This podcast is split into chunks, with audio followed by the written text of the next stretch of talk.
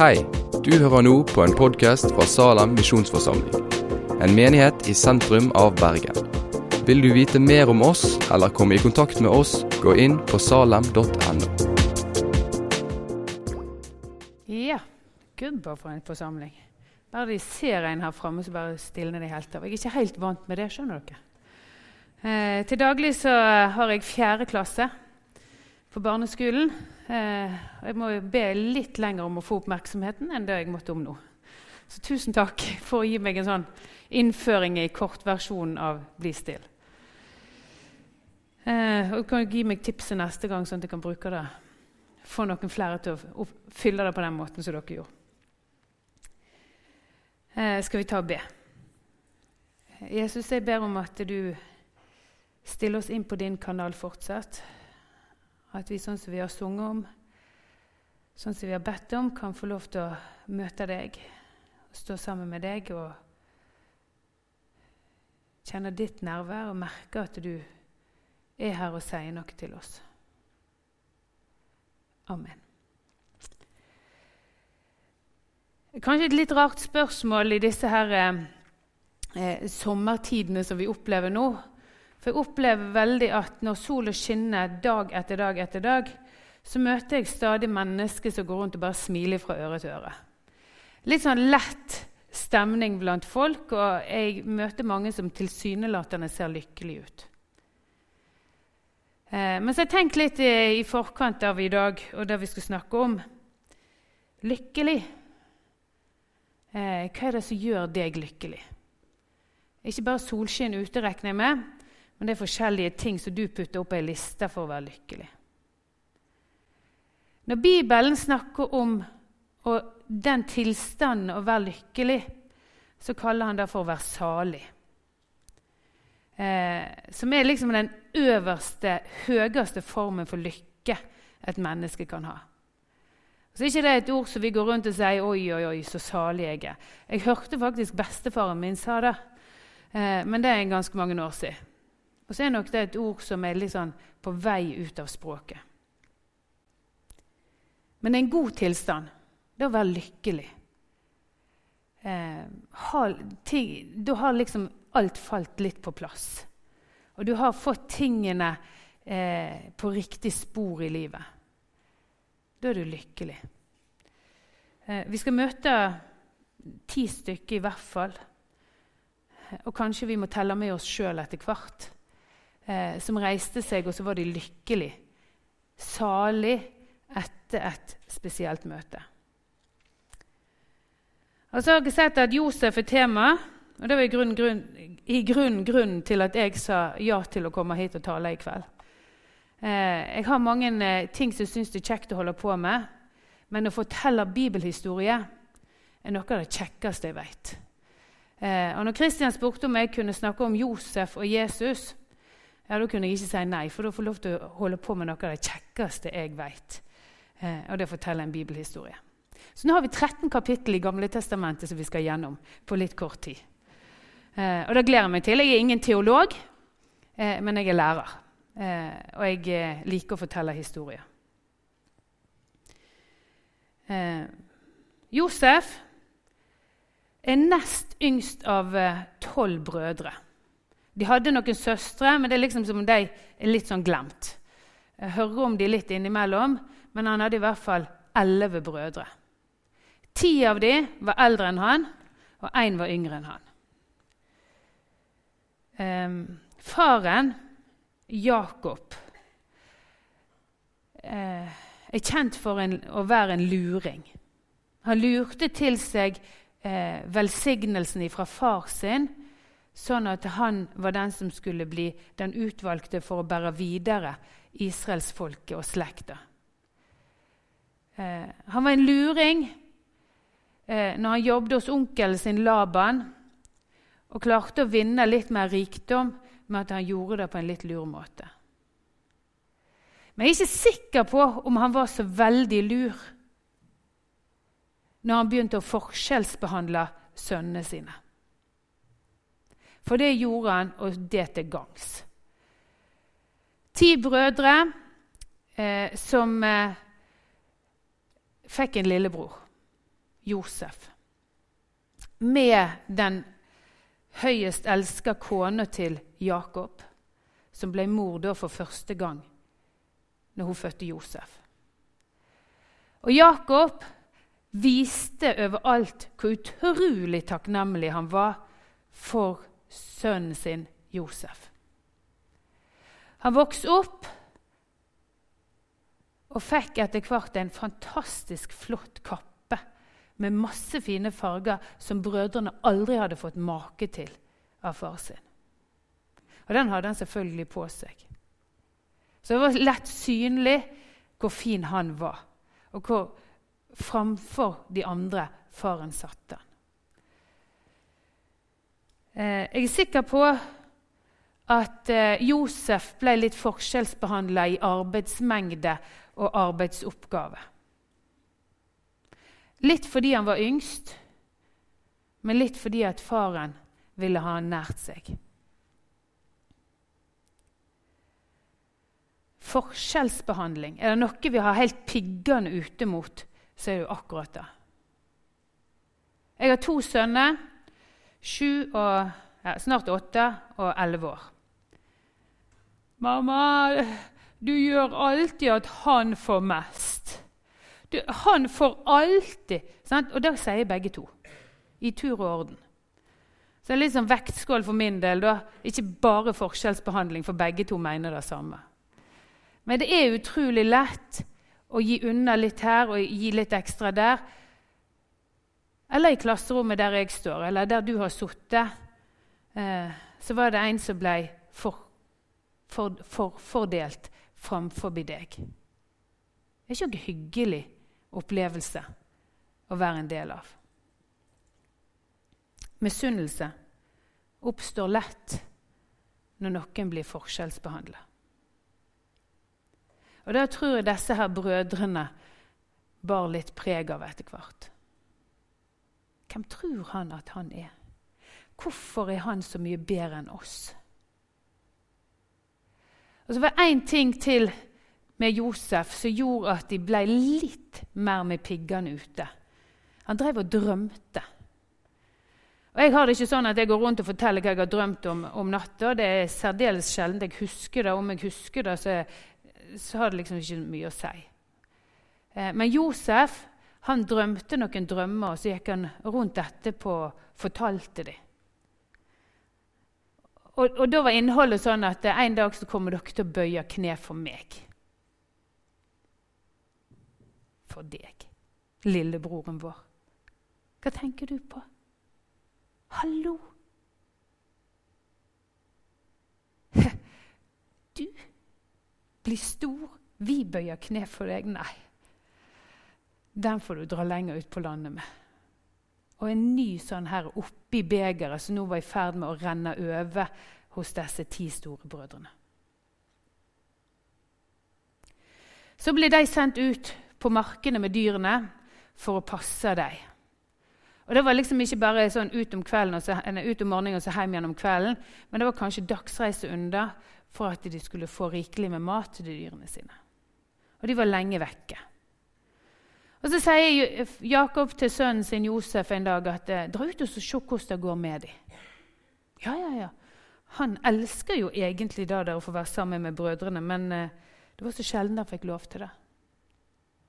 Han drog. Han måtte spørre litt om noen hadde sett dem, og fikk vite jo da, de var litt lenger fremme. Langt vekke så ser brødrene at der kommer den fargerike kappen gående. Og så er det en luring der som sier nå har vi muligheten til å gi han et lite sånn puss. Skremme han litt, vise han litt at uh, han er ikke så stor som han tror han er. Så Josef kommer fram til brødrene sine og spør selvfølgelig hvordan har dere det. Jeg skal helse masse fra pappa. Og så tar de han. Tar av han kappen. Og så vet de ikke helt hva de skal gjøre, men jo, der var det en tom brønn. Vi, vi setter ned i det. Og der havner Josef. Mens brødrene lurte sikkert litt på hvor lenge skal vi holde han der. Hva skal vi finne på? Noen foreslo at de rett og slett skulle ta livet av han. Den eldste broren, Ruben, han sa nei, det skjer ikke. Så tok Ruben seg en liten avstikker. og Mens han er vekke, så kommer det et karavanefølge på vei mot Egypt. Og En lys idé detter ned igjen. Vi selger Josef. Vi sender han med deg. Da oppnår vi to ting. Vi har ikke drept han. Vi er kvitt han. Der blir Josef solgt. Ført videre til Egypt og solgt på nytt igjen som slave.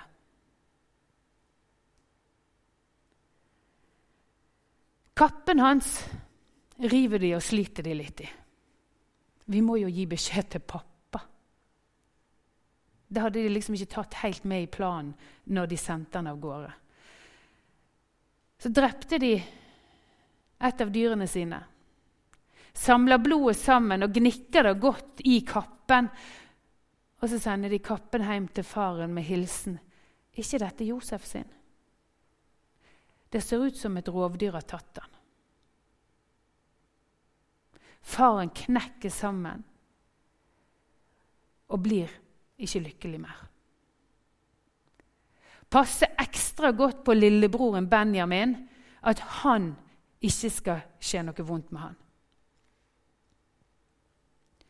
Brødrene kommer etter hvert hjem igjen med dyrene og ser jo at faren er knust. Josef er død. Men Josef er ikke død. Gud er med Josef.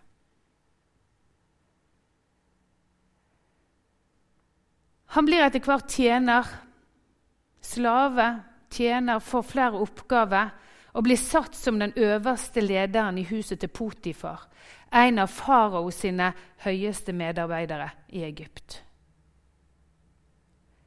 Og så blir livet urettferdig igjen mot Josef. En sammensvergelse, en oppdikta historie, gjør at han havner i fengsel. Der går årene. Josef bak lås og slå.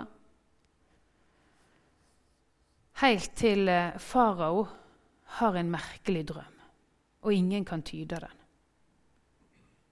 Da kommer munnskjenken på at jo, det var en i fengselet som tyda en drøm for noen år siden. Den helt, ble helt sann. Han sa hva som kom til å skje, og det skjedde akkurat som han sa. Så han forteller dette til farao, og Josef blir henta ut av fengselet. Kledd opp, vaska, stelt og stiller seg framfor farao. Jo, du ser det, farao. Det kommer sju år med tørke.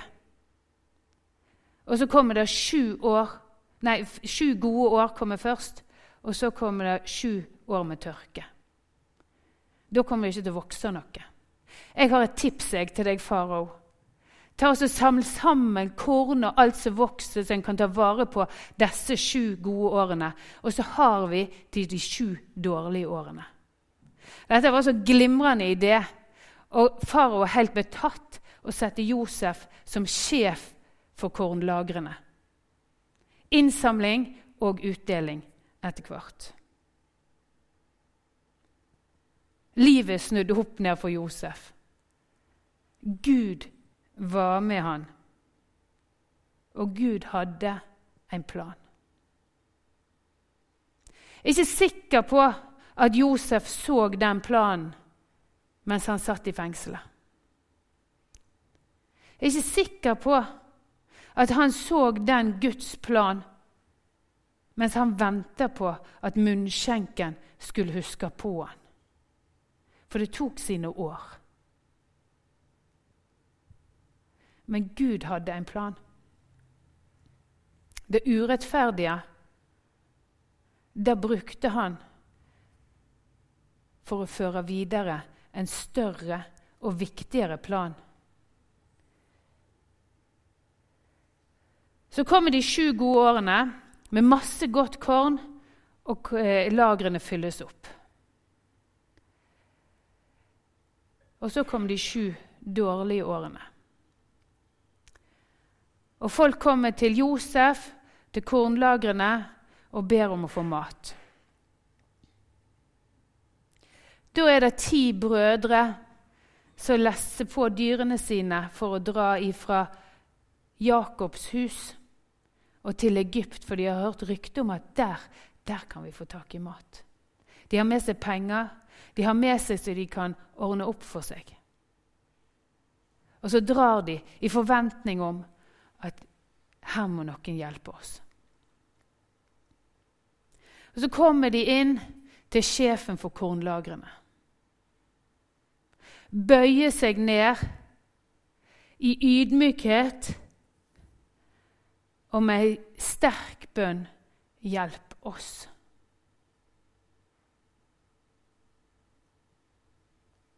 Josef kjenner igjen disse ti. Men han sier ingenting om akkurat det. De reiser hjem og sier til faren vi reiser aldri tilbake igjen dit uten at vi får med oss lillebroren vår Benjamin. For sjefen i Egypt, han tror vi er spioner. Kornet de har kjøpt, blir brukt opp.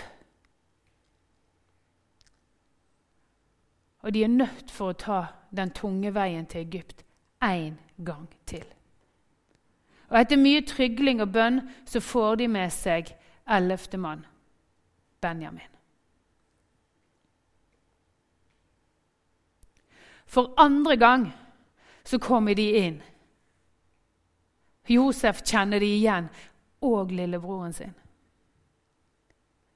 Og så bøyer de seg på nytt for Josef holdt på seg og ber om nåde. Hjelp oss. På denne turen her så gir Josef seg til kjenne. Det er meg.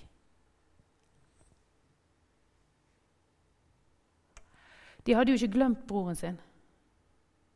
Han hadde lagt der i minneboka minner de om hele veien om at det skjedde en gang noe som dere ikke skulle ha gjort, men dere gjorde det likevel. Og så står de plutselig ansikt til ansikt med denne broren som de solgte.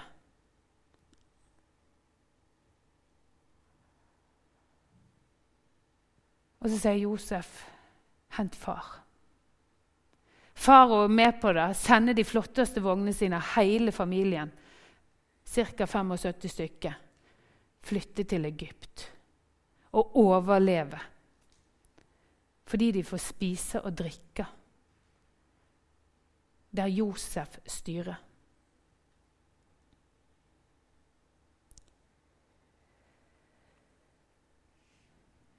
Josef får treffe igjen far sin. Og faren av alle ting får treffe igjen Josef. Så går det noen år. De blir buende i Egypt, og Jakob dør.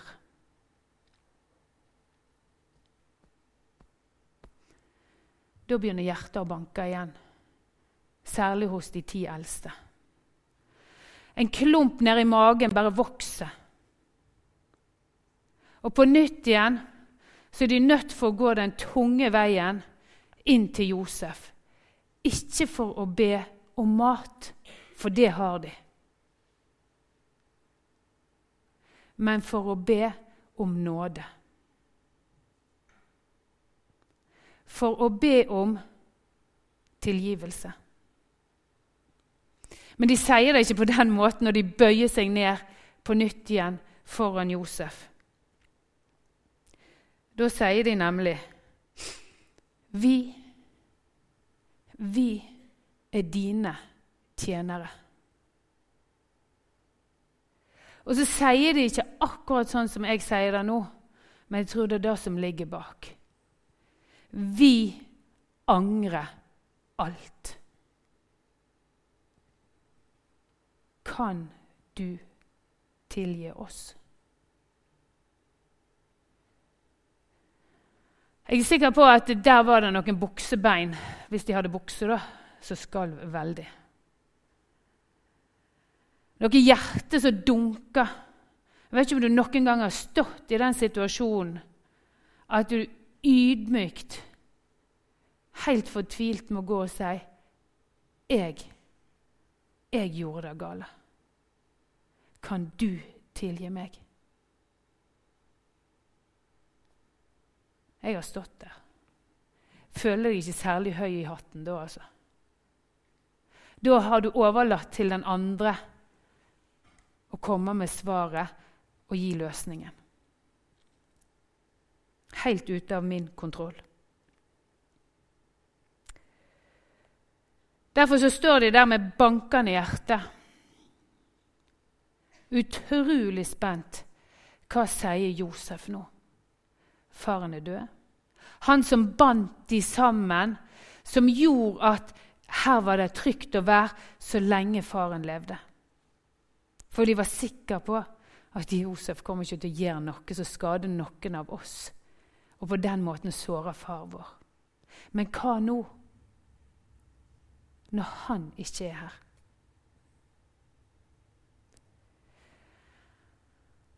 Josef åpner munnen. Spenningen stiger. Og så sier han Vær ikke redde. Er jeg i Guds sted? Liksom Skal jeg kunne dømme noen av dere? Eller straffe dere? Nei, dere tenkte å gjøre vondt mot meg. Men Gud tenkte det til det gode. For han ville gi liv til et stort folk, slik vi ser i dag. Og så gjentar han det. Så vær ikke redde. Jeg, jeg skal sørge for dere jeg, og barna deres.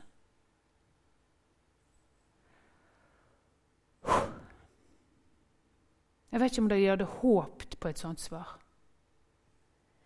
Eller turt å håpe på et sånt svar. Det er iallfall elleve brødre, for jeg tror Benjamin han følte seg som en av de ti som trengte tilgivelse. Det er elleve brødre som går ut ifra det møtet der salige, lykkelige elleve tilgitte brødre. Fordi Gud ville det på den måten.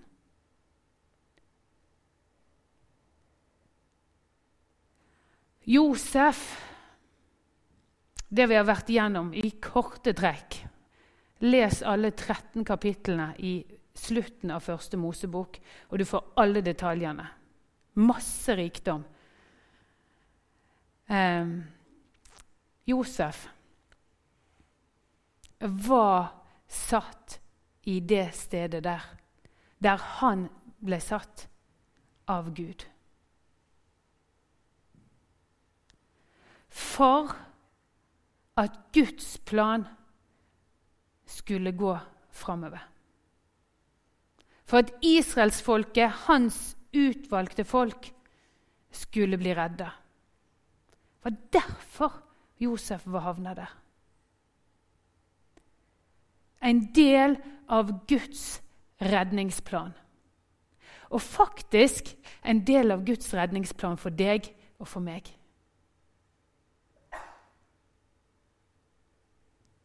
Og så går det mange hundre år. Og så kommer Guds redningsplan til syne i små glimt gjennom disse årene. Og så kommer det med det store lyset når Jesus blir født.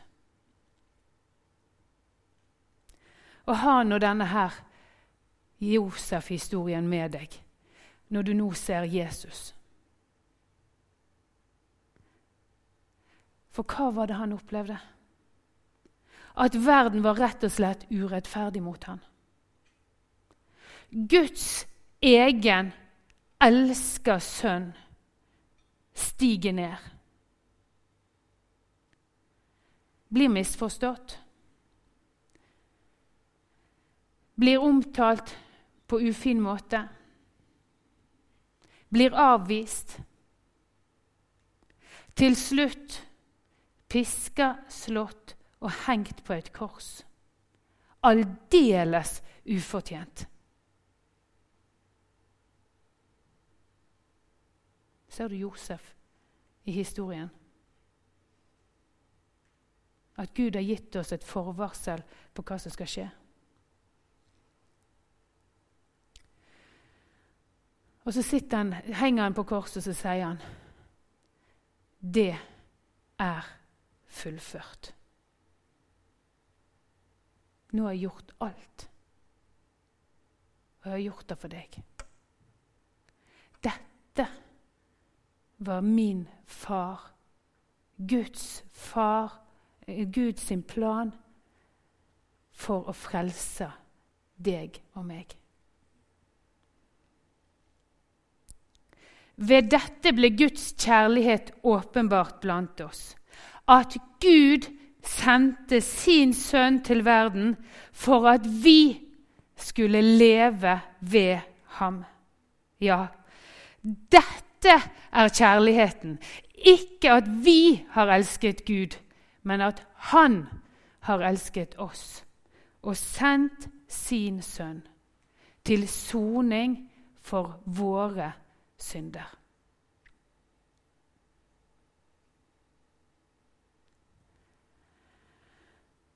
Kanskje det dunker litt hos deg òg innimellom. Kanskje du skjelver litt, for du veit at framfor Gud, der strekker jeg ikke til. Jeg har gjort noe som gjør at han ikke kan ta imot meg, og det kalles synd. Og så veit du at for at jeg skal kunne møte Gud, så må jeg få vekk den synda. Så har du kanskje gjort så veldig mange andre, prøvd å bli bedre. Det går som regel en dag eller to, kanskje. Og så er du på den igjen. Nei, den eneste måten å bli kvitt synder på, det er å gå til Jesus og si det som det er, og be om tilgivelse. Jeg er din tjener. Og så sier han, du er tilgitt. For han kan tilgi.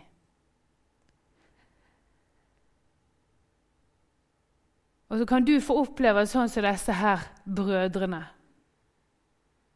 At det er en som sier til deg Gjelder betalt. Synda er sletta. Jeg gjorde det for deg. Mange mennesker tenkte at jeg var en raring. Men jeg var ikke det. Jeg er din frelser, sier Jesus. Og da skal vi gå tilbake igjen til det å bli lykkelig. For i Salme 32 så står det Salig er den som får sine lovbrudd tilgitt og sine synder skjult. Den høyeste form for lykke opplever det mennesket som får tilgitt syndene sine. Den høyeste form for lykke er ikke toppkarakteren på eksamen. Den er grei akkurat der og da kan gi deg en inngangsport en plass. Men det varer ikke så veldig lenge, den lykkefølelsen der. Og Kanskje seinere er det ikke så mange som spør hva du fikk på den eksamen. Men vet du hva? Å være salig, å være tilgitt, det varer helt inn i evigheten. For da kan du møte Gud.